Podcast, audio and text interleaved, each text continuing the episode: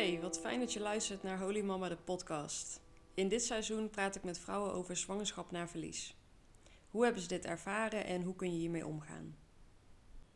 Je luistert naar aflevering 4 en dit keer ben ik in gesprek met Samia.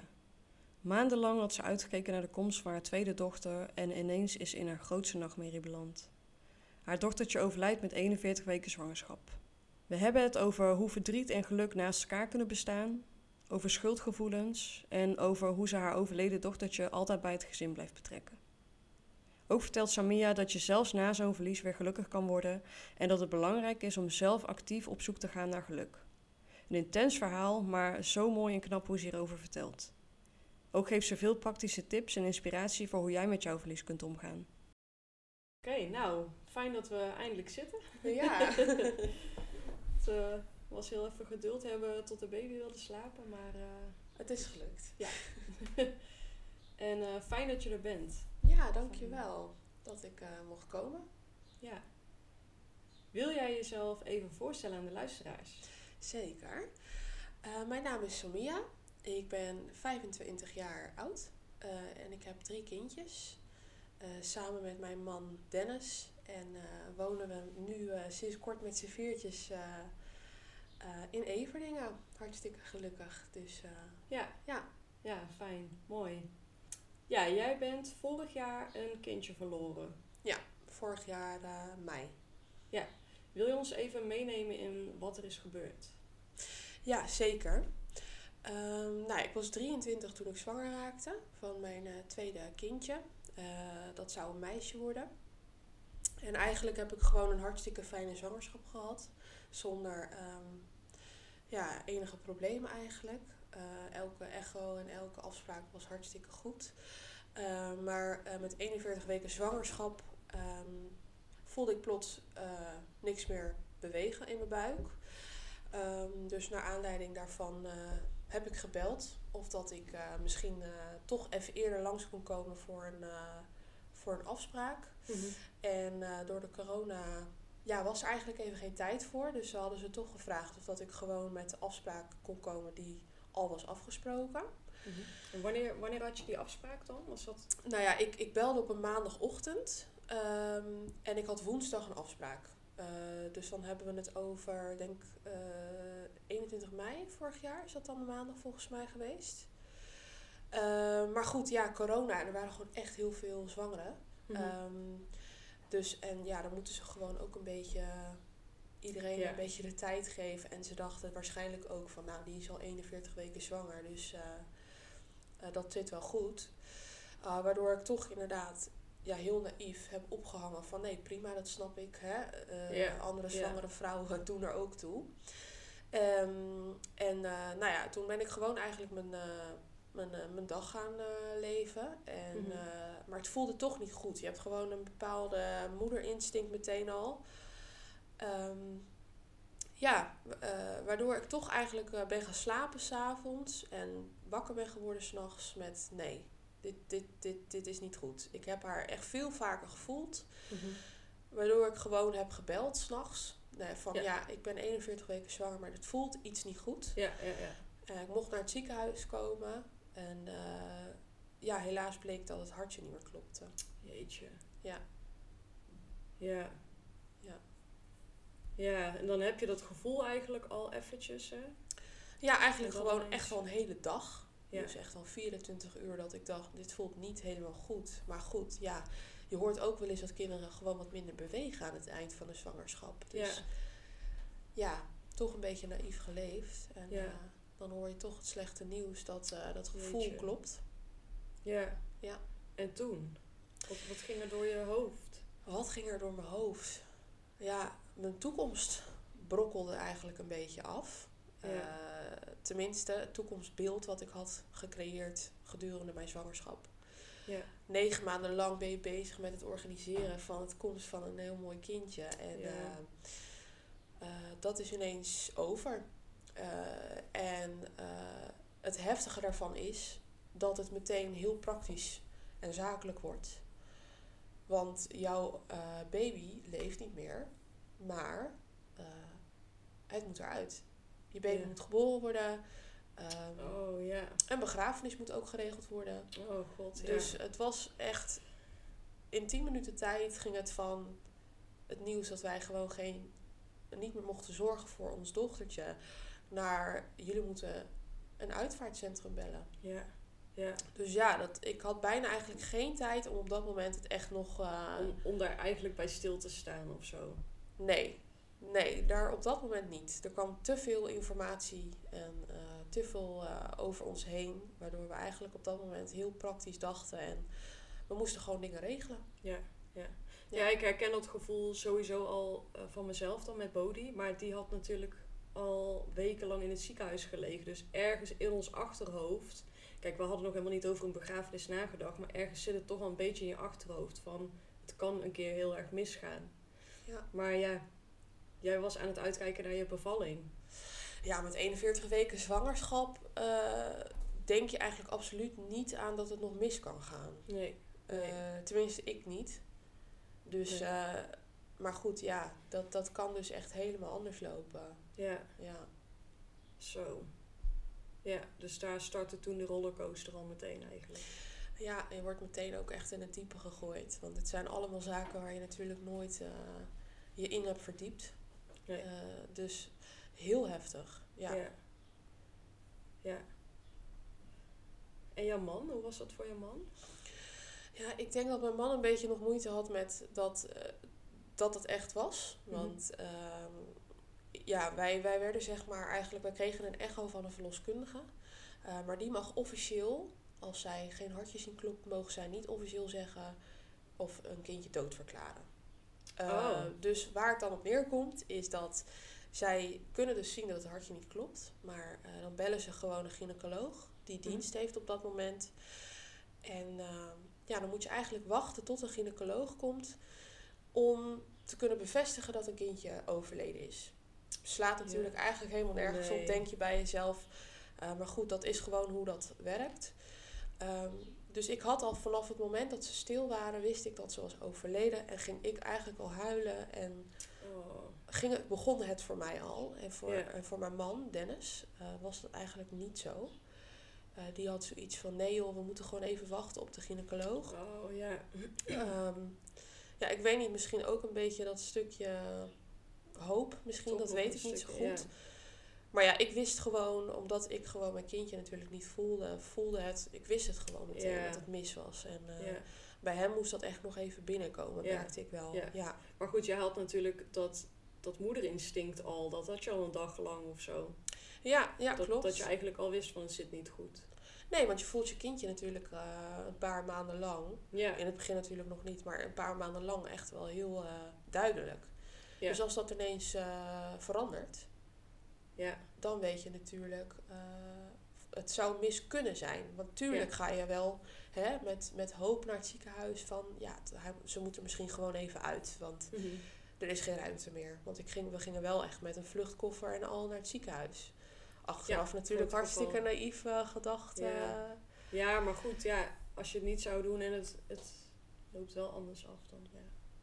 ja, ja, ja. jeetje. Ja, en toen? Want toen kwam de gynaecoloog. Ja, de gynaecoloog is, eh, ging eigenlijk eh, bij mijn voeteinde zitten. En had er een, eh, een, ja, een echo opgezet. Om inderdaad te kunnen bevestigen dat het hartje gewoon echt niet meer klopte. En dus aan ons mocht vertellen dat het kindje was overleden. Ja. Ehm, ja, dat was gewoon heel heftig. Toen kwam het dus ook voor mijn man, werd het dus wat echter. En ehm, toen, kwamen, toen kwam alle informatie. Wanneer wil je bevallen? Eh, Oh. bij wie wil jij je begrafenis regelen? Eh, wil je foto's? Wil je geen foto's? Ja. Eh, natuurlijk allemaal zaken waar je op dat moment helemaal niet over na hebt gedacht. En daar heb je eigenlijk echt nog wat tijd voor nodig. Dus het kwam ook ja. niet helemaal binnen op dat moment. Mhm. Maar ik wist wel, ik wil zo snel mogelijk bevallen. Je hebt toch wel, uh, want ze hadden me eigenlijk aangeraden van, joh, neem een paar dagen. Mhm. Uh, denk goed na wat je wil. Uh, dan heb je ook wat meer tijd om de begrafenis te regelen. Maar wat ik eigenlijk direct zei is nee. Ik wil vandaag nog terugkomen. Want ik ga niet een paar dagen met een kindje in mijn buik lopen die is overleden. Mhm. Dus, eh, Want dat, dat vond je geen prettig idee of zo? Of, of hoe kwam het dat je dat zo snel, eh, liefst zo Ja. snel mogelijk wilde? Ik wilde gewoon een gezichtje hebben, sowieso, bij, eh, bij mijn dochtertje, bij haar naam. En ehm, ja, ik, ik vond het gewoon heel heftig, het idee dat ik nog een paar dagen zou lopen met een kindje in mijn buik wat niet meer leeft. Dus Ja. ja, mijn, mijn gevoel zei gewoon, zij moet er zo snel mogelijk uit. Ja. Voor haar, om een plekje te krijgen op, eh, in een begraafplaats, op een begraafplaats. En voor mezelf, zodat het verwerken kan beginnen. Ja. Dus eh, ja, ik, ja, dat was gewoon wel echt mijn eis. Van ik wilde die dag echt nog bevallen. Ja. Ja. Ja. Wauw, Ja, wat heftig. zeker heftig. Ja. Ja. Ja. Ja, en zoiets wil je. Ik, ik kan me dat nog goed herinneren van Bodhi. Ja, ik weet nog dat, dat onze uitvaartverzorgster... Ik, ik vraag me altijd af hoe je zo iemand noemt. Ja, maar dat weet ik eigenlijk ook niet. ja, dat die, eh, die zat bij ons aan tafel. En oh, ik werd er helemaal gek van. Gewoon niet van haar of zo. Maar gewoon het, het feit, je wil die dingen helemaal niet gaan regelen. Maar het moet. Nee. Je moet gewoon. En eigenlijk het liefst zo snel mogelijk. Want er zit nog best wel haast achter. ja, ja, klopt. Ja, Ja, wil je een kistje? Wil je een mandje? Wil jij eh, rozenblaadjes? Wil je vlinders? Wil je... ja. Dat zijn allemaal zaken waarvan ik eigenlijk zei, ja, eh, weet ik eigenlijk niet. Ja, eigenlijk eh, is dat wel mooi, denk ik. Eh, ja, ik weet niet hoe een, een baby uitvaart moet zijn. Geen idee. Nee. Nee. Nee. Ja. Het is ook gewoon heel onnatuurlijk, hè, natuurlijk. Ja. Je, je bent natuurlijk gewend dat... Dat is een beetje het levenscyclus van ons natuurlijk. dat, dat je ouders of opa en oma overlijden. En dan kunnen ze zelf eigenlijk al van tevoren aangeven... joh, ik zou zo, zo en zo mijn begrafenis graag willen zien. Ja. Eh, bij een baby is dat gewoon niet. Nee. Want je weet niet hoe een karakter is geweest. Eh, houdt hij van eh roze? Houdt hij van blauw? Dat Ja. weet je niet. Ja, je weet het niet. Nee. Dus ja, dat is gewoon heel lastig. Mhm. Ja. Ja. Ja, precies. Ja. En hoe was de tijd die daarna volgde dan? Ja, je wordt natuurlijk, eh, ik denk, de eerste twee weken echt geleefd. Dus je hebt eigenlijk nog niet echt helemaal de 100% dat je er ja, over na kan denken. En, eh, en, en dat het echt binnenkomt. Uh, maar na twee weken dat eigenlijk alle bezoek ook een beetje was geweest en de uitvaart was geweest, toen ehm, begon het bij mij pas echt. Mhm. Toen eh, dacht ik, ja, het is leeg. Ik, eh, Ja. Ik mag niet zorgen voor mijn dochtertje. Wat nu? Ja, Ja. eh, ze ligt onder de grond nu, officieel. En eh, haar babykamertje was eigenlijk helemaal klaar. Vluchtkoffertje had ik niet eens uitgepakt op dat moment. Oh, ja. Ehm, ja, ik was wel nog natuurlijk kraamvrouw. Mhm. Eh, dus dat is heel gek, want je bent het helemaal in herstel, maar je hebt helemaal geen kindje. Dus ja, het was heel. eh, de, de klap kwam bij mij echt pas later. Ja. En eh, voor mijn man ook eigenlijk. Want ja, je moet zoveel zaken regelen. ja. Dat het eh, heel moeilijk is om na te denken over ja, wat nu? Hoe gaat ons leven nu eruit zien? Dat ehm, ja, hij ging, hij ging natuurlijk ook best wel wat eerder werken. Want ja, eh, dat, ja, je hebt geen kindje om voor te zorgen. Dus dan heb je ook Mhm. geen reden natuurlijk om langer thuis te zijn. Mhm. En toen was ik best wel veel alleen. Eh, alleen met je eigen gedachten. Ja. En eh, dat was heel zwaar. Ja, het was echt heel zwaar. Ja. Ja, Ja, dus je zat, je zat ineens na al die tijd, al het geregel, overlevingsstand denk ik misschien ook wel een beetje. absoluut. Dat was echt absoluut overlevingsstand eh, waarin je leeft. Ja. Ja, en dan is al het bezoek geweest en dan zit je ineens in de stilte weer. ja, Hoe was dat dan voor je? ja, heel gek. Eh, ik weet ook nog wel dat als ik eh, ging slapen s'nachts, dat ik wakker werd van het idee dat er een baby huilde en mij nodig had. Oh. Dat is heel gek. Alsof Oh, mijn lichaam dat Ja. automatisch deed van eh, ja, een baby moet gevoed worden nu. Ik, ik weet niet of het echt tussen mijn oren zat of dat het iets is wat een vrouw heeft. Ja, zo? dat zou, dat zou kunnen, dat weet ik niet. Maar eh, ja, daar had ik heel erg last van.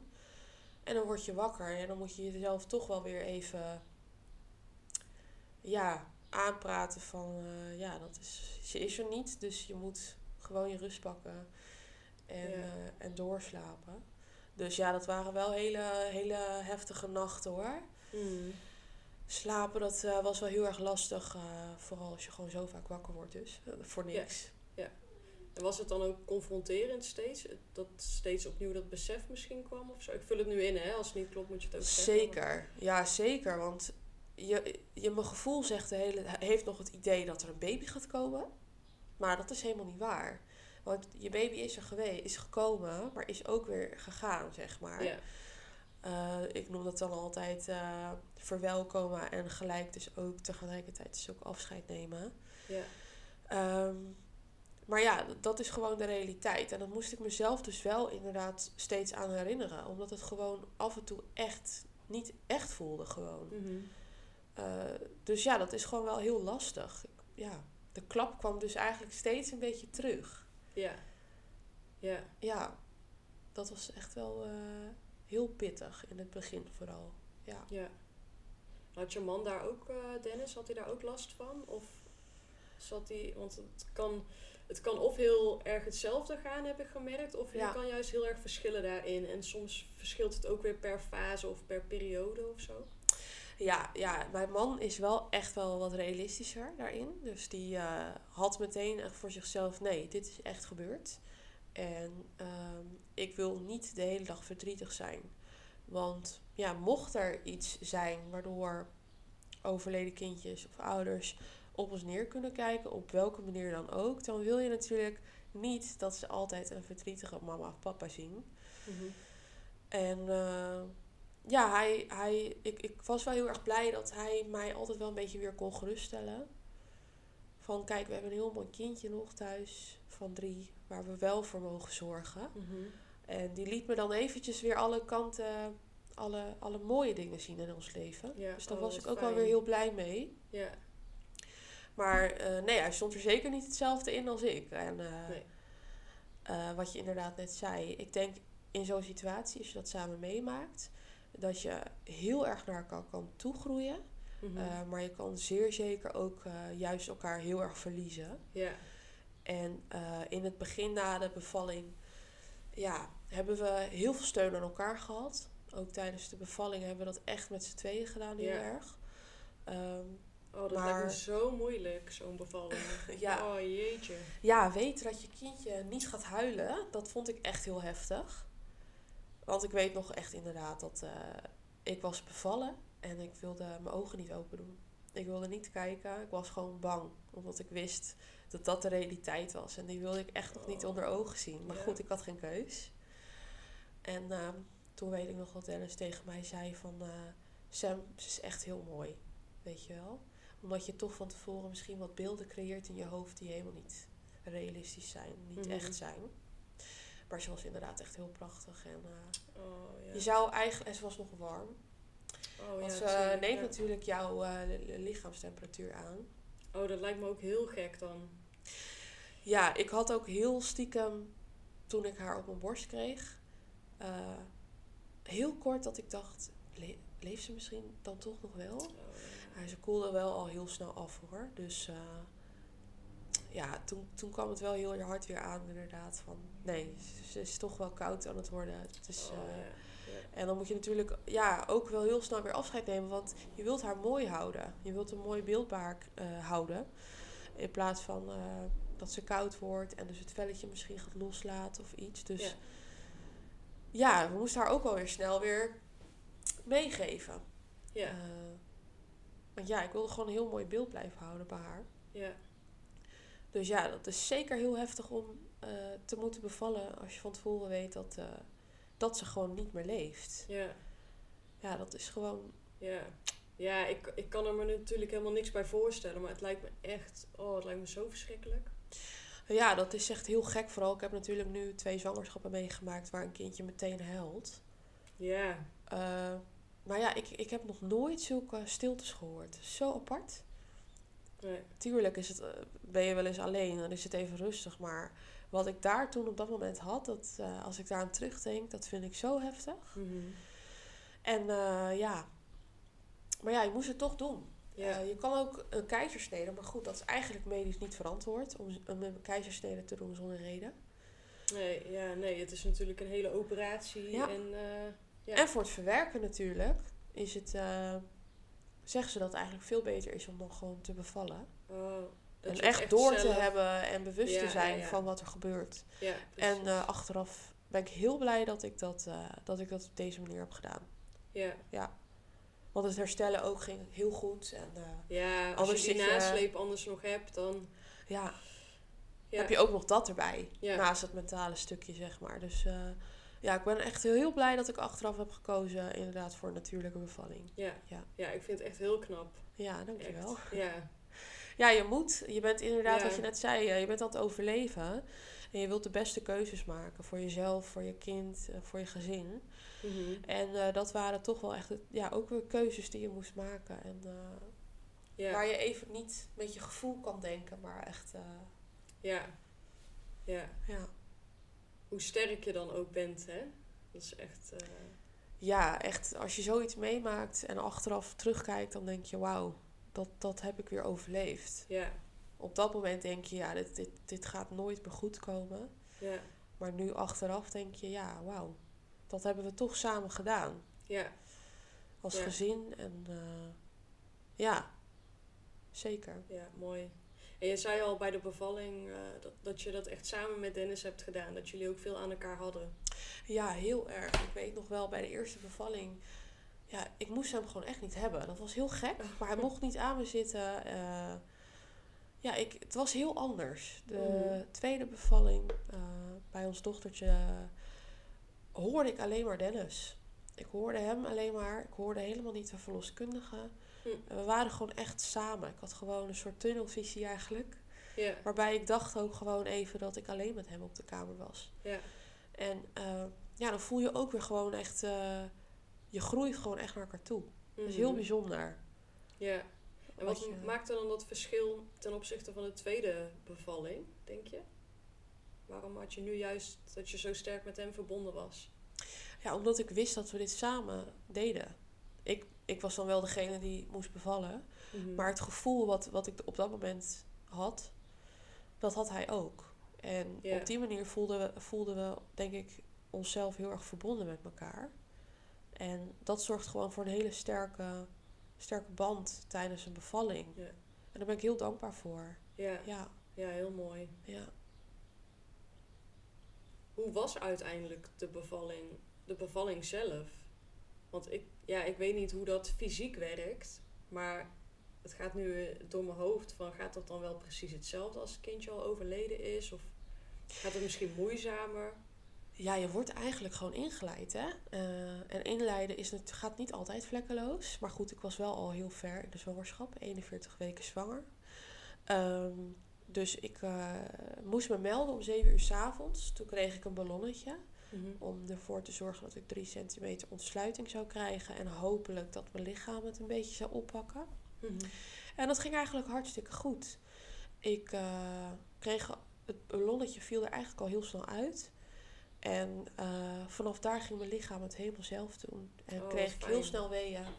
En heel snel ontsluiting. En ben ik eigenlijk binnen een paar uur bevallen. Oh, wat fijn. En wat heel fijn is bij, ehm, bij zo'n eh, geboorte, is dat ze er heel erg rekening mee houden dat jij gewoon geen pijn mag voelen. Eh, dus toen ik de eerste weebewijzen van al had, toen mocht ik meteen al een ruggenprik. Ja. En die heb ik ook gekregen. Eh, die heeft helaas niet helemaal gewerkt bij mij. Oh, Dus ik heb wel het beginstukje werkte het nog en daarna werkte het uit. Heel gek. Maar toch vond ik dat ook niet erg achteraf. Eh, het is en blijft een bevalling. Daar hoort gewoon pijn bij. Ja. En eh, voor het stukje dat ik in het begin er even kon bijkomen, was ik heel blij. Maar ik ben zo snel bevallen. Ik ben niet uitgescheurd en heb daardoor dus ook een heel, hele fijne herstelperiode gehad. Dat ik eigenlijk wel heel blij ben met hoe dat is gegaan. ja. Ja, ik kijk Ja. er gewoon echt wel heel vredig op terug. Ook. Ja, fijn. Ja. Oh, dat, kijk, dat maakt natuurlijk de hele situatie niet beter of zo, maar het, Makkelijker. het scheelt wel, denk Ja. ik, iets. Ja. Ja, als je ook nog eh, die lichamelijke ellende allemaal zo hebt, dan... eh, Ja, dat zou ik niet beter maken. Nee. Nee. Nee, zeker niet. Nee, ik ben heel blij eh, hoe er voor ons gezorgd is. En, het was echt een top ziekenhuis. Echt, Oh, fijn. ja, ik ja. kijk er echt heel vredig op terug. Ja. Gelukkig. Heb je dan ook nog nazorg gekregen of zo? Of, of hoe is dat gegaan? Ja, normaal heb je natuurlijk eh, de kraamzorg. Mhm. En ik weet nog wel dat toen ik in het ziekenhuis lag en ze begonnen over kraamzorg, dat ik zei, ja, wat moet ik daar nou weer mee? Ja, ik heb toch geen Ja. kindje meer voor ze kunnen zorgen? Ik eh, raakte een soort van, eh, ja, een beetje in een soort aanval van, joh, wat moet ik daar nou mee? Dat is toch dom eigenlijk? Ja. Wat zeg je nou? Dat slaat natuurlijk helemaal nergens op, want je bent gewoon kraamvrouw en Ja. jij moet ook gewoon herstellen. En uiteindelijk zei ze, ja, doe het nou maar gewoon. Want echt, je hebt het echt nodig. En eh, je moet ook tot rust komen. Je hebt nog een kind thuis. En je moet rouwen. En je krijgt waarschijnlijk bezoek. Ja. Dat we uiteindelijk toch de keuze hebben gemaakt van... joh, laten we het maar gewoon doen. Eh, Ja. En toen is de kraamzorg gekomen. En die heeft zo goed voor ons gezorgd. Oh, fijn. Eh, weet je, het huishouden, dat kwam helemaal op haar. Ze was heel leuk met ons dochtertje. En slapen konden we dus gewoon eventjes doen ook. Ja. Eh, als Sofia er dan zeg maar was, ons dochtertje. Mhm. Ehm, en ze heeft ons zelfs geholpen met de uitvaart. Met koffie Oh. schenken. En, Oh, eh, echt? Oh, ja, wat fijn. ja, dat had ze Ja. aangeboden. Want eigenlijk was het haar, zat haar dienst er al op. En dan had ze gezegd van... joh, eh, als je het prettig zou vinden... wil ik best wel helpen met koffie schenken. Om jou, dat Oh, een ja. beetje, eh, om jou daar een beetje mee te ontlasten. Ja, wat lief. Ja, dat was echt, eh, echt een top kraamvrouw. Of eh, kraamvrouw, eh, kraamzorg. Ja. Want ja, ze hoeven het eigenlijk niet te doen. Er wordt aan hun gevraagd eh, van... Ja, we hebben hier een vrouw en dat, ze is een kindje verloren. Zou je daarheen willen? Dan mogen ze nee op zeggen. Maar Mhm. ja, zij vond dat daar geen reden voor was om daar nee op te zeggen. En eh, ik ben haar echt heel erg dankbaar ook. Want Ja. ook zij heeft het voor ons echt een stuk makkelijker gemaakt. Ja. Ja, ja, fijn. zeker, ja. Ja, van zulke mensen moet je het hebben. Hè? Mensen in je omgeving die je op, op wat voor manier dan ook steunen. Ja, Ja, ja alle, alle beetjes helpen. Echt waar. ja, Ja. Misschien heb je dat op dat moment niet eens echt heel erg door. Wat iemand voor jou betekent op dat moment. Maar als ik er dan op terugkijk, dan is het gewoon heel fijn als ik daar vredig op kan terugkijken. Mhm. Omdat het gewoon al een hele vervelende periode was. Maar iedereen en alles in mijn leven op dat moment heeft ja, heel erg voor gezorgd dat wij eh, toch wat sneller konden verwerken. En eh, Ja. ja, ons leven weer konden oppakken, zeg maar. ja. Ja. Ja, dat is ook wel herkenbaar, ja. Wij hebben ook echt superveel kaarten gekregen van mensen, ook om, om ons te steunen. Of appjes, of Ja. soms was het alleen even een hartje. Ja, bloemen inderdaad. Ja. Ja. Ja. Iemand die, eh, vrienden van ons die soep kwamen brengen. Ja, dat is toch geweldig. Van hier eh, kunnen we wat voor je doen. Ja, eten, zal ik soep voor je maken? Nou, top. Ja, het zijn echt de kleine gebaren die echt heel veel doen. Ja, Het is, het is maar een kaartje, maar ik kan, ik kan er heel erg eh, emotioneel van worden. Eh, ons hele huis stond vol met bloemen. ja. Dat vond ik zo bijzonder dat ik binnenkwam en dacht, wauw, echt zo mooi Ja. eigenlijk. En ja, alle, heel veel kaartjes inderdaad. Onze hele deur stond vol en plankjes stonden vol. ja. Ja, gewoon eventjes dat, eh, dat berichtje van, joh, ja, we denken aan jullie. Dat doet mij gewoon heel erg goed. Dan weet je eigenlijk ook gewoon hoeveel steun je hebt in je leven. Van, van, van de mensen om je heen. Ja. Ja. ja, mooi. ja, dat is heel mooi. Ook om terug te kijken, ja. Ja. En zijn er ook dingen waarvan je denkt van... Ja, dat was dus echt absoluut niet helpend. Dit hadden mensen beter niet kunnen doen. dat heb je natuurlijk ook. Ja. Mensen bedoelen het altijd wel heel goed. Hè? Dat is natuurlijk wel... Ze hebben vaak, of eigenlijk altijd wel een goede intentie. Maar ja, Ja, het is gewoon heel lastig. Want heel veel mensen weten niet zo goed wat ze aan moeten. Eh, met het gevoel wat ze ook zelf hebben naar jou toe. Hè? Van Mhm. ze willen jou heel graag eh, steunen. Maar ik weet nog wel dat ik bijvoorbeeld heel erg behoefte had om gewoon echt even met mijn eigen gezin te zijn. mhm. En eh, je hebt dan toch mensen die dan echt heel graag het liefst voor je deur staan. En ik vond dat wel moeilijk om eh, te zeggen van joh, nee, ik heb er echt even geen behoefte aan. Ik wil Mhm. echt even met mijn gezin zijn. Eh, en dat er toch wel mensen waren die daar moeite mee hadden. Dat Ja. is wel iets inderdaad, ja, daar had ik gewoon niks aan. Mhm. Ik had het gewoon heel fijn gevonden als mensen gewoon tegen me hadden gezegd van joh, eh, of tenminste hadden gezegd, dat hebben ze ook gewoon gezegd van joh, mocht er wat kunnen doen, ik wil je nu laten weten dat ik er voor je ben en waar jouw behoeftes liggen, dan uh, we horen het wel. Ja. En dat vond ik de meest prettige manier, want dan had ik juist van ja, kom maar even, graag. Ja. Ja. Terwijl als iemand zou zeggen, ja, ik wil nu naar je toe rijden, dan had ik zoiets van nee, nee, ik, uh, ik wil echt rust en mijn gezin gaat voor. Ja. En ik wil het even met Dennis ook alleen doen. Dat mag ook, want je krijgt zoveel bezoek. ja. uh, dat je ook echt best wel even alleen mag zijn met elkaar. Ja. En elkaar uh, mag steunen, want je begrijpt elkaar het beste. Ja, dat is Ja. zeker zo, ja. En tuurlijk, je kan je hart luchten bij vriendinnetjes, familie. Maar die weten gewoon niet wat jij echt helemaal meemaakt. Hoe de Nee. bevalling is geweest, dat weet je partner het beste. Ja. Die was erbij. Dus ja, ja er zijn zeker wel eh, ja, momenten dat ik dacht eh, van ja, waarom moet ik nou eigenlijk rekening houden met andere mensen op dit moment? Mhm. Eh, terwijl ik moet het toch echt even verwerken, jongens. Ja. Ja, Ja, ja, ja. Dat is, het kan soms ook veel energie kosten. zeker. Mensen leveren, of die geven je ook soms wel energie, maar soms dan merk ik zelf dat het, dat het soms ook wel echt wel veel energie kost. Absoluut. Ja, want je bent Ja. ook gewoon, eh, je bent zelf een kindje verloren, maar je bent ook met andere mensen bezig. Ja. Mensen willen jou komen steunen, die komen hier. Ben je weer een kopje koffie aan het zetten, ben je weer aan het lopen, weer het verhaal uitleggen. Ja. Het was echt wel, eh, zowel lichamelijk als mentaal, heel erg zwaar. Ja. Eh, en tuurlijk eh, wil je dit delen met je omgeving. Maar ik denk niet dat iemand dat ooit heeft beseft van... ja, is dat niet een beetje te veel misschien of zo? Weet je wel, al die bezoek. Het was wel heel erg fijn, maar er zijn momenten geweest dat ik het heel moeilijk vond dat ik daarvoor mijn bed uit moest komen. Ja. Terwijl, ja, eigenlijk is het ook niet erg dat je even verplicht je bed uit moest hoor. Ja, Want, ja. eh, anders ga je helemaal in je gevoel zitten natuurlijk. We hebben het nu even over het stukje eh, van het rouwproces ook gehad. Wanneer kwam bij jullie weer de gedachte van, zullen we het weer opnieuw gaan proberen?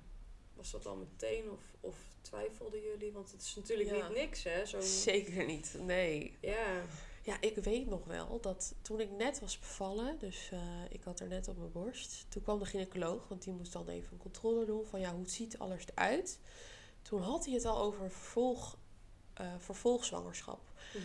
Van nou, ik zie dat de placenta te klein is. En in principe hoort dat wat groter te zijn, want dan weet je dat de voeding goed doorstroomt naar de baby.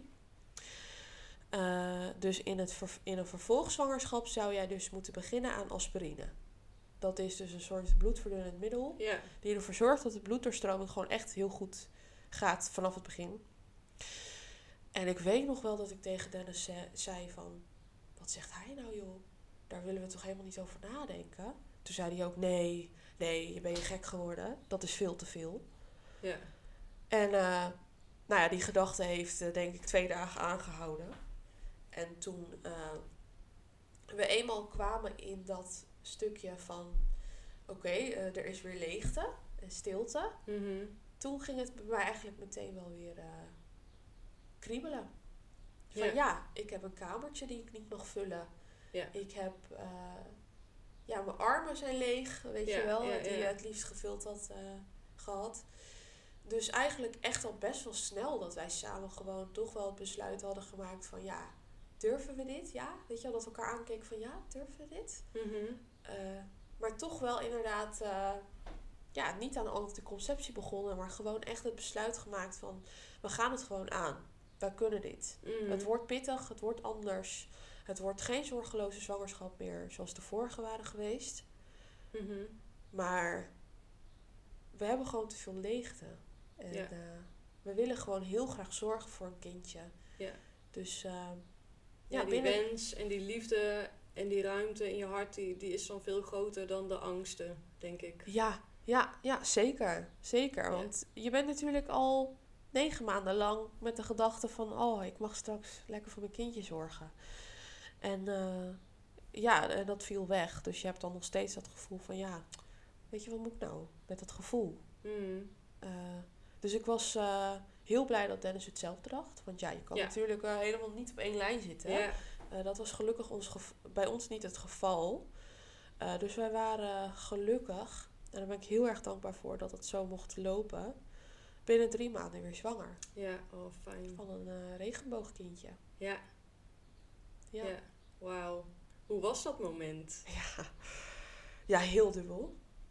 Ja, je zou denken dat, dat het alles goed zou maken. Tenminste, ja, dat is het absoluut gewoon niet, in ieder geval. Nee, nee. Het was meteen eigenlijk eh, heel veel geluk van hé, hey, eh, het zonnetje schijnt misschien toch wel weer een beetje aan onze kant. Mhm.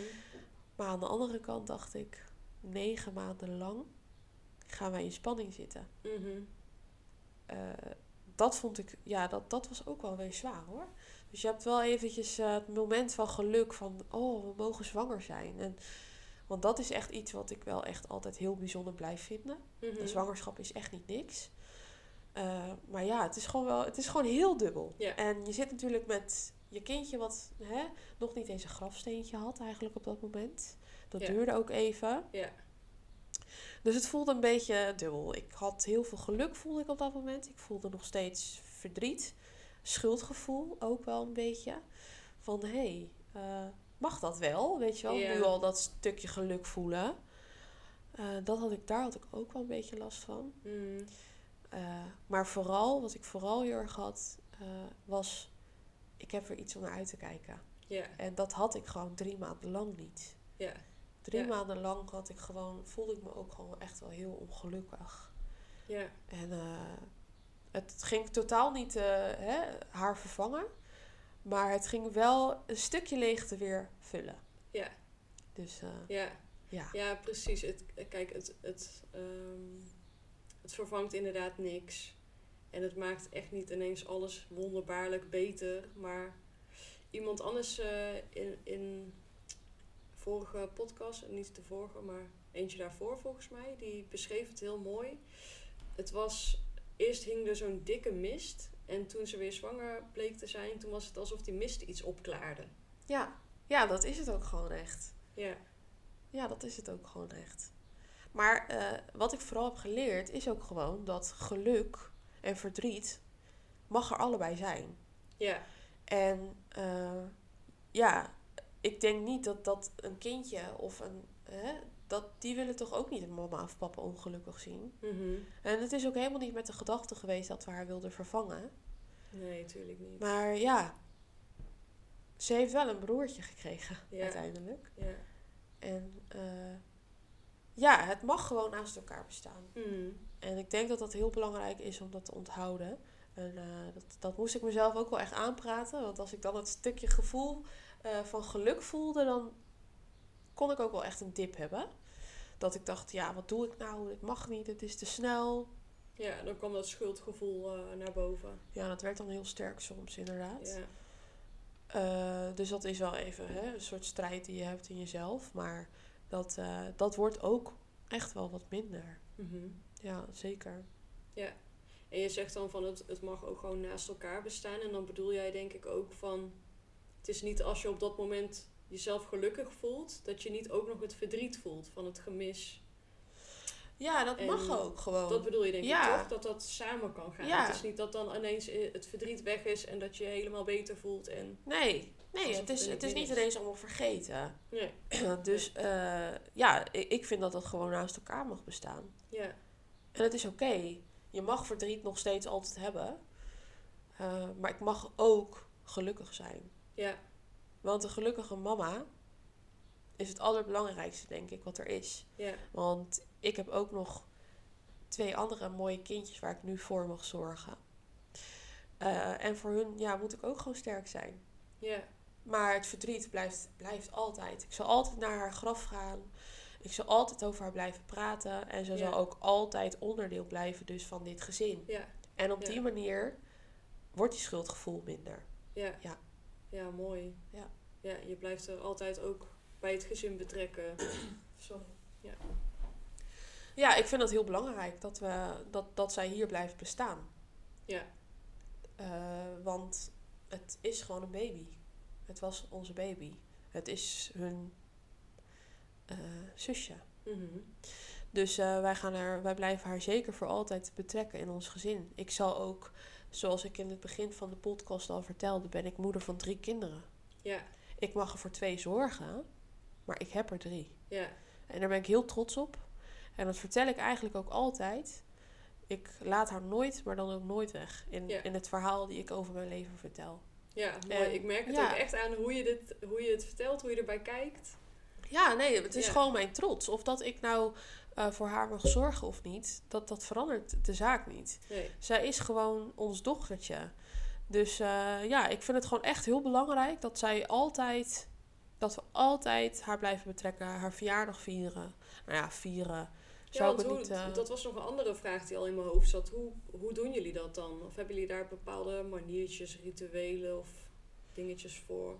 Nee, nee. Eh, niet echt een ritueel of manier of iets. Eh, maar we hebben bijvoorbeeld, zij is ja, afgelopen 12 mei, was het een jaar geleden dat zij geboren is, was. Wat we toen eh, hebben gedaan, is een wensballon.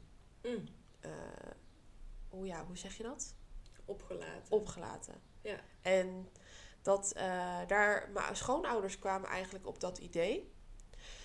Want ik dacht alleen maar, ja, maar dat mag toch helemaal niet? Maar dat was een hele veilige. Mhm. En hij vloog zo hoog dat het mij een beetje gevoel gaf van, hé, hey, gaat hij naar haar toe? Ja, Of Ja. hij komt in ieder geval dichter bij haar dan dat ik, eh, ja, mooi. dan dat wij mogen. Dus dat was, dat vond ik echt iets zo moois. Dat ik waarschijnlijk, dat weet ik niet zeker, maar ik denk dat we dat misschien wel elk jaar blijven doen. Ja. Oh, ik, ik heb daar echt van genoten. Ja. Ja. Ja, mooi. Ja. Ja, en heb je ook, ehm, want inderdaad, zoals je net al zei, je zegt dan, als je het over jezelf hebt, zeg je dan dat je moeder van drie kindjes bent. Ja. Heb je nog andere dingen ehm, waaraan je zeg maar kunt zien dat je haar blijft betrekken en dat je over haar blijft praten? Snap je wat ik bedoel? Ik Ehm. verwoord het volgens mij een beetje gek, maar je snapt wel wat ik bedoel. Ja, ik snap wel wat je bedoelt. Ehm, ja, het is gewoon heel belangrijk dat als jij het hebt over je gezinssamenstelling, eh, dat, dat zij er hè, bij zit sowieso.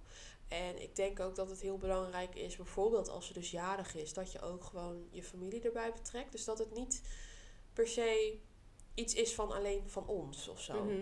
Dus dat eh, we betrekken ook andere mensen erbij, want dan voelt het wat echter ook. Want dat zou je natuurlijk ook met een normale verjaardag, hè, die je gewoon lekker viert in je achtertuin, zou je ook met je familie vieren. Ja, precies. Dus dat, eh, ja, dat is wel iets wat ik heel erg fijn vind, dat mijn familie, eh, eh, ja, dat onze familie dat een beetje doet met ons.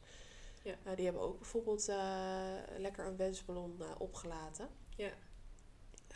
Allemaal wel los van elkaar, maar toch was het heel mooi dat Ja. dat. Ja, ik weet niet. Dan heb ik gewoon het idee van, nou, iedereen denkt aan haar nog. Ja. En niet alleen wij. Dus dan, ja, dat geeft Ja, me ook fijn. wel heel veel eh, troost of zo. Mhm. Ja. Ja, heel mooi. En hoe was die zwangerschap voor jou na die hele rollercoaster? En was er ook een verschil met die anderen? Absoluut, absoluut. Ja. De eerste twee zwangerschappen waren eigenlijk zorgeloos.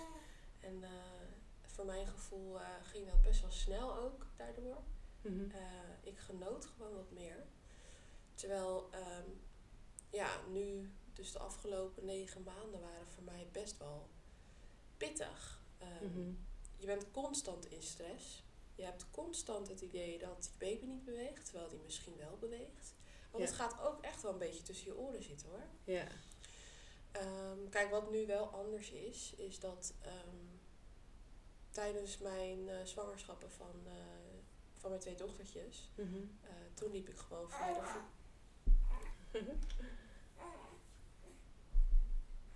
Beetje uitrekken nog. Schatje. tijdens de zwangerschappen van mijn twee eh, van mijn dochtertjes liep ik gewoon via de verloskundige. Mhm. En ehm, ja, was, waren de onderzoeken niet zo uitgebreid. Mhm. Dat was nu dan echt anders. Want eh, ik moest eigenlijk al vanaf het begin gelijk aanmelden bij eh, het ziekenhuis. Mhm.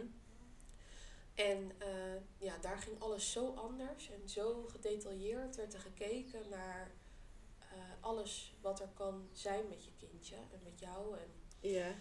Werd er gewoon... En wat eh, moet ik me daarbij voorstellen dan? Andere echo's of, Ja. of ook andere dingen? Ja, de echo's waren sowieso uitgebreider. Ik had er veel meer ook daardoor. Ehm, er werd echt ook wel naar dingen gekeken, eh, naar de groei. Eh, groeit die niet te snel misschien? Oh, oké. Eh, want mijn dochtertje, dat is misschien wel goed om dan te weten, is mijn dochtertje, waar het dus mis is gegaan, eh, was eigenlijk te groot voor wat de placenta was. Oh, Ehm, oké. dus dat houdt in dat ze waarschijnlijk kunstmatig groot is gebracht. Eh, maar dat het eigenlijk niet de juiste voedingsstoffen waren, maar puur suikers. Omdat ik later in mijn zwangerschap waarschijnlijk, dat kunnen ze niet 100% zeggen, eh, heb ik dan eh, zwangerschapsdiabetes ontwikkeld. Oh, En dat is natuurlijk maar dat, dat wist je op dat moment niet. Nee. Ik ben dus met 24 weken eh, ben ik getest op zwangerschapssuiker. Maar het kan dus schijnbaar ook zich later ontwikkelen in de zwangerschap. Dat is bij mij dus nooit getest. Achteraf natuurlijk hartstikke jammer. Maar er was ook gewoon geen reden toe om het nog een keer te doen. Ehm, maar ja, dus dat heeft eigenlijk voor gezorgd dat ja, met 41 weken pas bevallen, dat je dan gewoon wel echt de grens opzoekt natuurlijk. Je voeding eh, gaat gewoon niet goed door. En niet de juiste voeding. Want, even voor mij, ik, zwangerschapsdiabetes ben ik niet, niet heel erg in thuis, maar dan Ja. zou je eigenlijk eerder moeten bevallen. Of, Ja, eigenlijk wel. Vaak wel wordt dat, eh, gebeurt dat wel. En eh, je moet gewoon heel erg letten op, op je levensstijl op dat moment. Mhm. Eh, dus je gaat echt leven naar wat jij op dat moment hebt. Dus de zwangerschapsdiabetes. En in mijn geval, omdat dat dus niet ja, is geconstateerd in, in mijn zwangerschap, heb ik er dus ook niet naar geleefd. Mhm. En dat, ja, dat kan ervoor hebben gezorgd dat het dus uiteindelijk met 41 weken toch te lang zo heeft geduurd. Ja. dat het uiteindelijk mis is gegaan. Eh, ja. Eh, dus ja, ik was natuurlijk, eh, dit keer had ik eigenlijk weer angst van ja, eh, gaat het dan weer mis? Dus ik kreeg dit keer ook veel meer testen. Mhm. Met 16 weken, 24, 28, 32 zelfs nog. Mhm.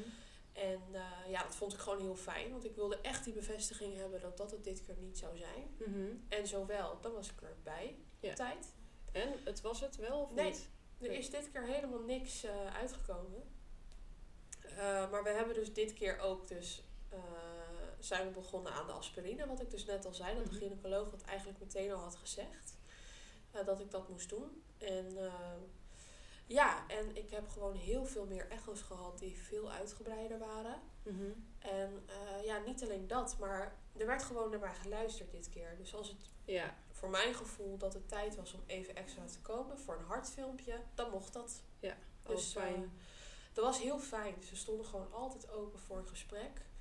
Eh, en dan konden we gewoon bespreken van is het nodig dat je komt of niet. Mhm. En het mocht eigenlijk altijd. Als Ja. ik dat gevoel had, dan mocht ik gewoon komen. Ja. Dus ja, dat is zeker wel anders. Ik voelde me gewoon serieus genomen. En ik denk misschien ook wel meer dat ik gewoon wat meer op mijn strepen ging staan. Ja, je bent gewoon bang dat je weer een kind verliest. En dat gaat je gewoon niet gebeuren, denk je bij jezelf. Ja. Dus om alles ging ik eigenlijk wel bellen. Ja. Eh, dus ik heb ook wel gevraagd om extra hartfilmpjes. Aan het einde van mijn zwangerschap was ik daar gewoon elke dag. Ja. En eh, ja, ik heb me echt wel een beetje geschaamd hoor. Dat ik dacht, ja, ben je nou niet een beetje aan het overdrijven nu? Maar ja, achteraf denk ik, nee. Dat heeft ervoor gezorgd dat ik heel veel rust had in mijn zwangerschap. Mhm. En wat is een zwangerschap met stress? Dat is toch helemaal niet gezond of goed? Nee. Dus ja, dat, dat, dat werkte gewoon voor mij. En ook dat ik heb geëist eigenlijk dat ik niet verder ging dan 38 weken. Mhm. Want eigenlijk eh, hadden zij gezegd van joh, ja, wat vind je van 39? Toen zei ik nee, 37 is het minimale. Mhm. En we gaan er gewoon tussen zitten dan. Ja. En toen zeiden ze wel van joh, eh, dat snappen we. Maar er is dan wel 1, nog wat procent, heel weinig in ieder geval, extra kans dat je kind wat meer hulp zou hebben, nodig zou hebben bij een eh, bevalling bijvoorbeeld. Eh, met eten, met ademhalen. Mhm. Toen zei ik ja, maar wat is dat anderhalf procentje nou vergeleken hè? Ja. wat ik heb meegemaakt? Want de kans gewoon bij mij bestaat dat ik gewoon niet een volle zwangerschap kan dragen. Toen zeiden ze, ja nee, dat begrijpen we eigenlijk ook wel weer. Ja. Dus toen hebben we gewoon samen het besluit gemaakt dat 38 weken voor mij gewoon klaar was. Toen Mhm. werd ik ingeleid. Ja.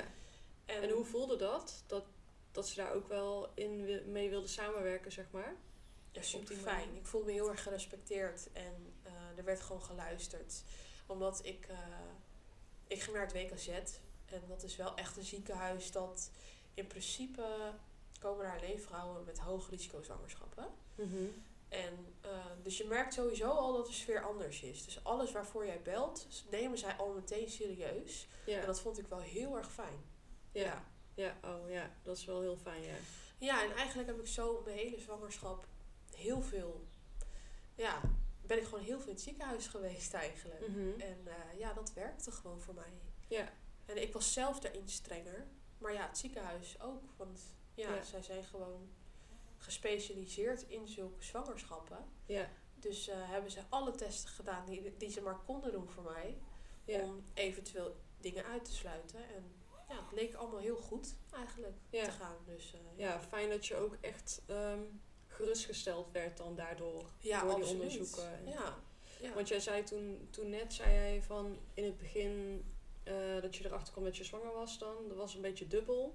ja. Ook Ja. wel aan de ene kant natuurlijk blij, maar aan de andere kant ook dat schuldgevoel en ook wel een beetje die angst en onzekerheden. ja, absoluut. Is, was er een moment, eh, want ik heb vaker gehoord bij bijvoorbeeld eh, vrouwen die een kindje met afwijkingen hadden, dat ze na de 20 weken echt gewoon die bevestiging kregen van het is goed en dat ze toen konden loslaten.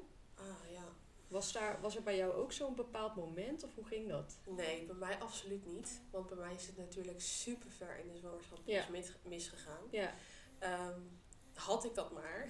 ja, Had ik maar dat laatste stukje wat meer kunnen genieten, dacht ik dan. Maar ehm, nee, ik, ik heb dat niet. Bij mij, ja, eh, ik was niet gerustgesteld door de 20 weken echo. nee. Omdat daarvoor was dat ook gewoon goed. Dus eh, nee, helaas heb ik eh, juist eigenlijk de eerste, de eerste trimester had ik heel veel stress. Want dan heb je natuurlijk eh miskraamstress. Hè? dat Mhm. je, omdat je daar de percentage wat hoger is. Dus dan heb je al van ja, niet weer verliezen alsjeblieft. Ja. En de tweede vond ik eigenlijk wel oké gaan. Dat is eigenlijk mijn minst zorgeloze, of eh, mijn minst zorgenperiode Mhm. geweest.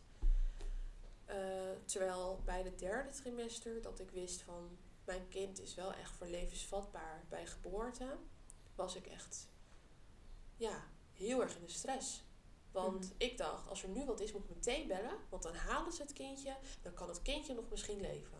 Zo Ja. dacht ik. Ja, Maar dan ga je natuurlijk eh, ja, iets te bewust leven. Tenminste, ja, te bewust. Ja, je bent heel bewust met wat je lichaam doet op dat moment. ja, ja, je Alles. alle denk kleine oeh, dit ken ik nog niet. Ja, dit, hier moet ik eigenlijk voor bellen.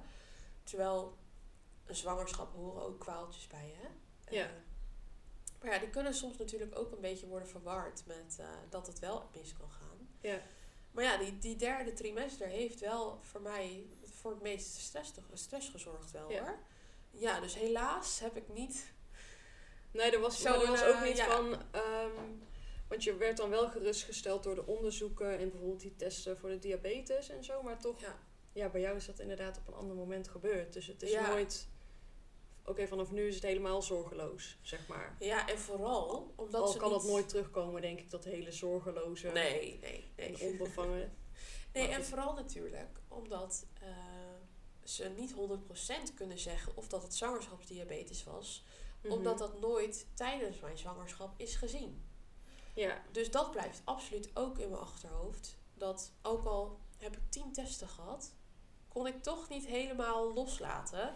Of tenminste, was ik toch gewoon niet gerustgesteld. ja want het Want had nog Misschien iets was wel anders wat anders, ja. Ja, En ik, ja, je wordt op heel veel dingen getest. Maar goed, niet alles. Als je daar geen aanleiding tot hebt, nee. wat ik de vorige keer dus ook niet had.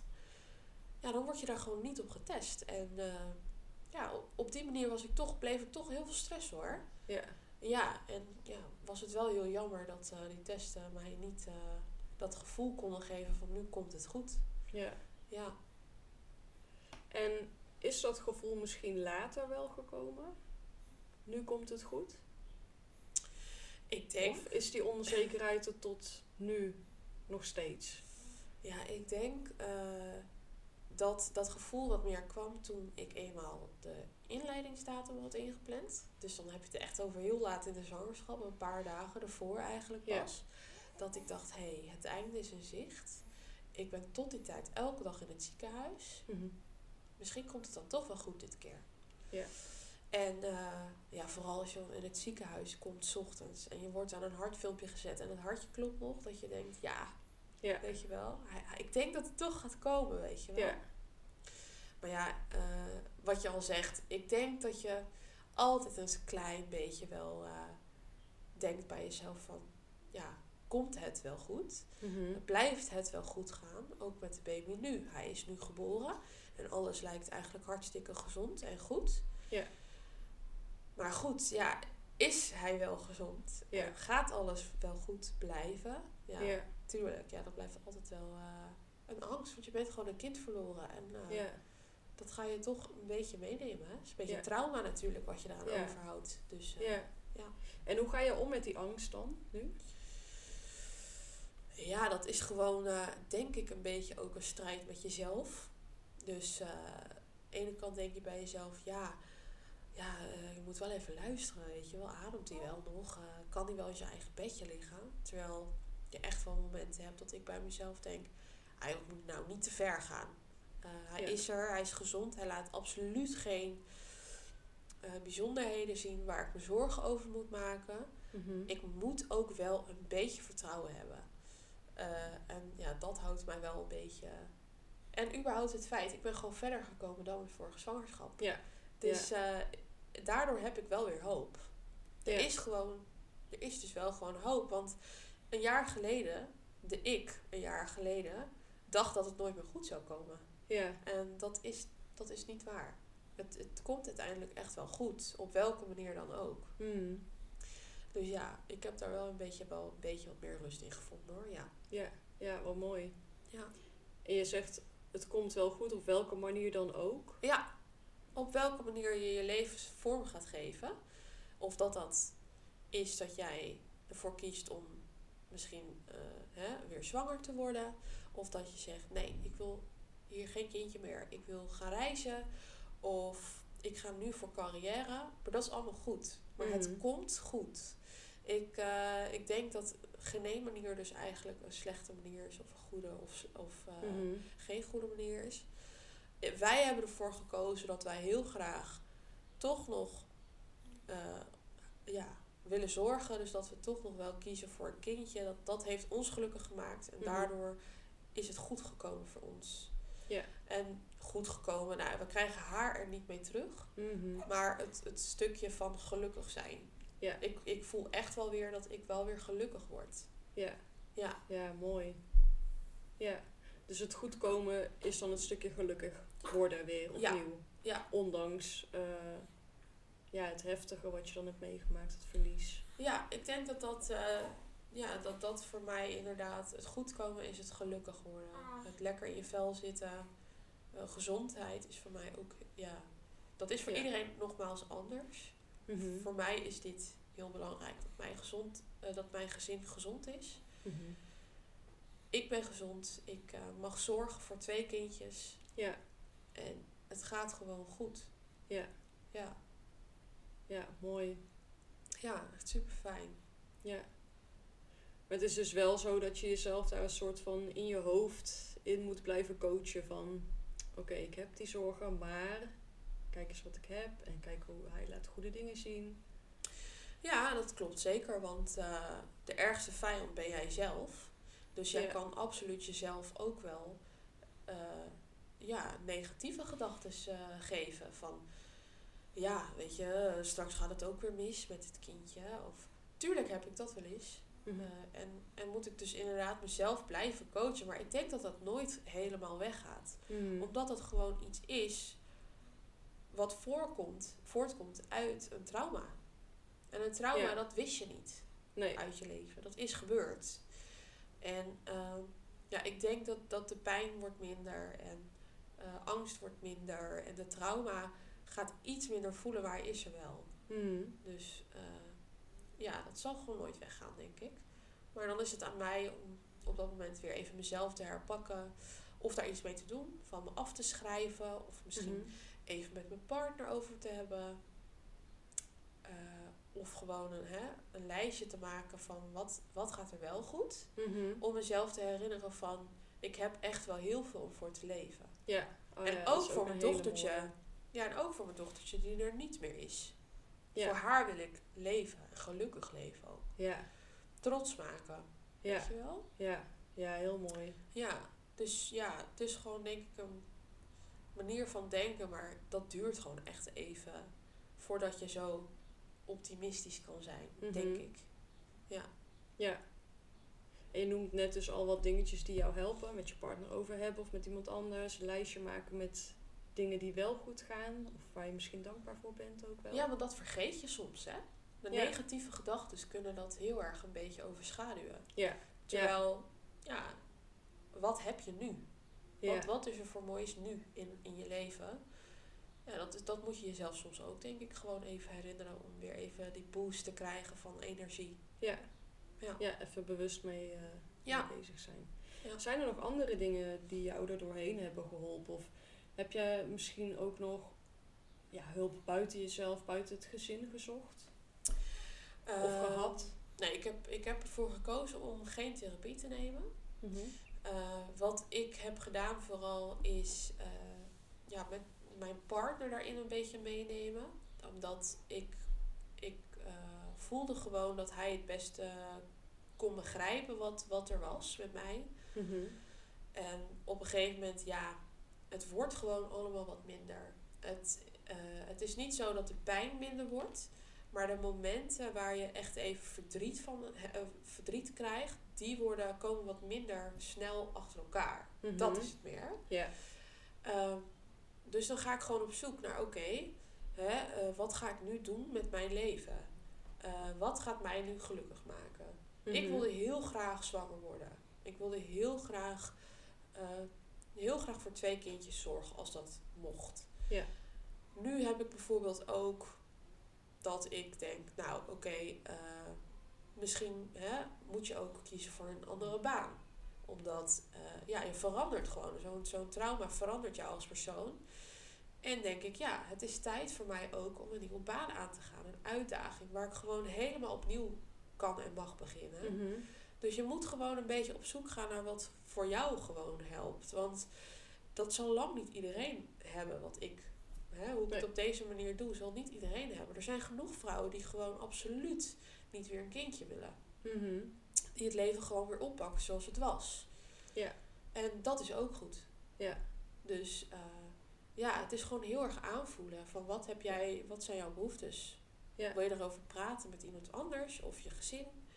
Of misschien niet. Dat mag Ja. ook. En eh, ja, hoe, hoe ga je het vormgeven gewoon? Eh, hoe gaat jouw kindje in jouw gezin blijven? Of Ja. blijven voortleven, soort van. Ja. Ik denk Ja, dat dat allemaal heel belangrijk is om over na te denken, inderdaad. Ja. Ja, mooi. Ja, want het werkt natuurlijk ook voor iedereen anders. Ja, ja, precies. En ik denk inderdaad wat je zegt, als je actief eh, op zoek gaat naar wat heb ik nu nodig. Ja. Of waar word ik op dit moment even blij van, misschien als je er even doorheen zit. En ik denk dat het ook goed is om het verdriet echt te doorvoelen. Dus om soms juist die momenten ook echt toe te laten. En ja, dat echt te doorvoelen misschien. Maar ik merk ook aan mezelf dat ja, op een gegeven moment dan moet ik daar weer even uit. Want als Ja. ik daar te lang in blijf hangen, dan, dan ben ik persoonlijk heel bang dat ik, ja, dat ik echt in zo'n depressieve put blijf zitten. En dat ik er niet meer uit ga komen. Dus dan, ja. ja, inderdaad Ja, want het is een cirkel. Of je, ja, je kan erin blijven gaan. Want het kan je constant... Hè, maar alles kan het triggeren. Eh, je ziet andere baby's om je heen. Wat Mhm. doe je daarmee? Wat zijn de gedachten die je hebt? Eh, want dat kun je natuurlijk wel, denk ik, zelf controleren. Ja. Eh, kijk, ik kan natuurlijk zeggen bij elk kindje van... Oh, waarom zij wel en ik er niet? Ja. Nee, dat is niet mijn manier van denken. Ik gun ieder ander een gezond kindje. Ja. En dat heeft, staat los van mij. Het is niet Ja. mijn kindje. Eh, het, is, eh, het maakt het niet beter als dat kindje er niet was geweest. Want Mhm. dat verdriet wat ik had, dat gun ik echt niemand. Dat mag Nee. niemand, weet je wel, mag dat eigenlijk meemaken. Maar eh, ik denk dat dat ook allemaal gedachten zijn die je moet loslaten. Het vergelijken misschien met anderen, hoe perfect het bij anderen gaat. Want ik ben bijvoorbeeld helemaal al van social media.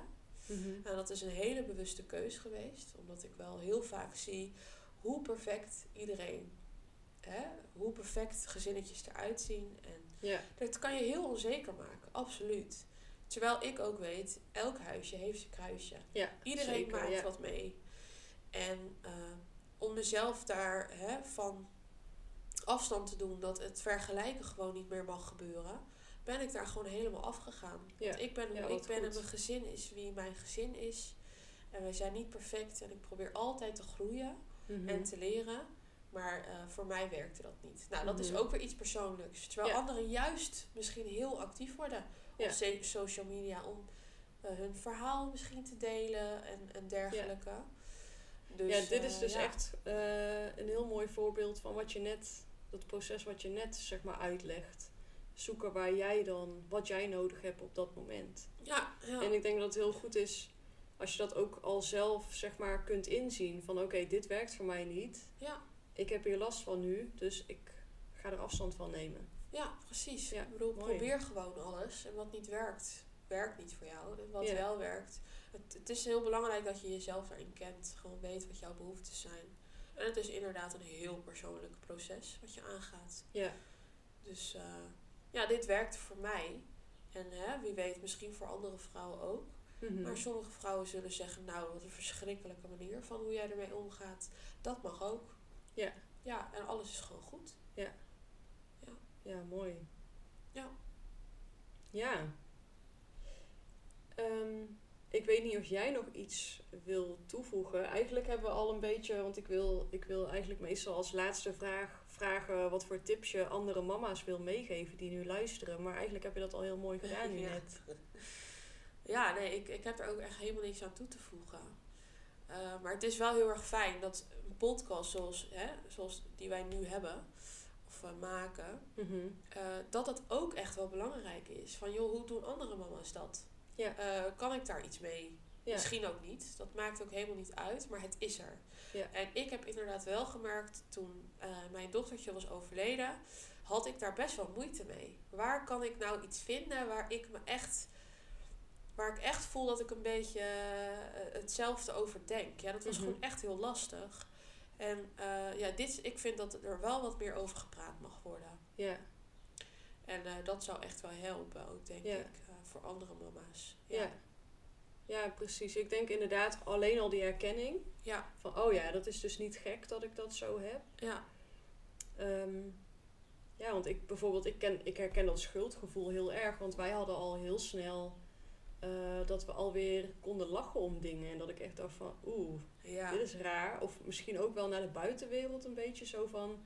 Oh, straks denken ze van, oh, nou, die heeft ook nergens last van. Of, Ja. eh, Want had je dan ook daardoor een beetje een dip? Of was het gewoon even een moment dat je dacht, hé, hey, Ehm. waar, waar ben ik nou zo gelukkig aan het doen? ja. Ja, ik denk dat het meer een moment was. Ja, Ja, dat ik me daar dan wel even schuldig om kon voelen. Maar op zich bleef ik er niet heel erg in hangen. ja, gelukkig. Ehm, ja, en ook omdat ik al vrij snel ook van anderen en nu dus ook van jou eigenlijk hetzelfde hoor. Of niet hetzelfde, maar wel zo van ja, dat schuldgevoel had ik ook. En Ja, dan denk ik van oh ja, dat hoort er misschien ook wel gewoon een beetje bij. ja. En het Ja, is maar- ook niet gek dat je, dat je weer lacht. Het is juist goed. Ja, absoluut. Absoluut. Schuldig voelen, ongelukkig zijn. Dat Ja. is het laatste eigenlijk wat, eh, Ja, wat normaal mag zijn, zeg maar. Dus ja, ja, het is denk ik juist heel belangrijk dat als ze hè, op ons kunnen neerkijken of hoe je er ook in staat in het leven, dat, Mhm. dat ja, je zou dat toch zelf ook niet willen voor een ja ander. precies. Ja, dat je nabestaanden alleen maar ongelukkig... eh, Ja. Nee, dat wil je niet. Nee. Ja, Ja, dat is ook zo. ja. Dus ik denk dat het echt vooral belangrijk is dat je gewoon echt op zoek gaat naar geluk, zoals ik al zei. Ja. Ja. Ja, mooi. Ja, heel mooi. ik eh, ja, denk dat we, dat we het kunnen afronden dan. Ik vond het Ja. echt een heel mooi en heel fijn gesprek. Ja, ik ook. Ja, dankjewel dat ik er mocht zijn. Ja, jij bedankt. En, eh, jij bedankt voor je ja, ik, bijdrage. eh, ik hoop dat ook al is het één mama, dat zij een beetje voelt, dat ze in zichzelf hierin kan herkennen, dan, Ja. Dan heb je al heel veel bereikt. Ja, ja en ik denk dat je ook hele mooie en echt praktische tips hebt gegeven ook. Ik denk dat, dat mensen hier echt meteen eigenlijk wel mee aan de slag kunnen. Ja, En ik zelf ook. nou gelukkig. Dus wat heel fijn. Ja. Ja. Ja. super. ja. Nee, dat is heel fijn om te horen. Nou, dankjewel. Ja, dankjewel. Heel erg bedankt voor het luisteren. Ik geef zo meteen alvast een preview voor volgende week, maar eerst even dit. Ik waardeer het heel erg als je me laat weten wat je van deze aflevering vond. Ik ben namelijk erg benieuwd of je er wat aan hebt gehad. Ik hoop met deze podcast zoveel mogelijk moeders te kunnen helpen en hiervoor heb ik jouw hulp nodig. Help mee om deze podcast zoveel mogelijk bekend te maken. Laten we samen het taboe rondom miskramen en babyverlies doorbreken en help zo ook andere vrouwen die hier wat aan kunnen hebben. Deel de podcast zoveel mogelijk op social media en laat een review achter. Vergeet ook niet om Holy Mama te volgen op Instagram en Facebook, zodat je niks mist. In de volgende aflevering praat ik met Lieke. Ze heeft twee miskramen gehad en het dochtertje dat ze daarna kreeg overleed plotseling toen ze bijna twee jaar was. Ze kreeg daarna nog een dochter en is nu opnieuw zwanger.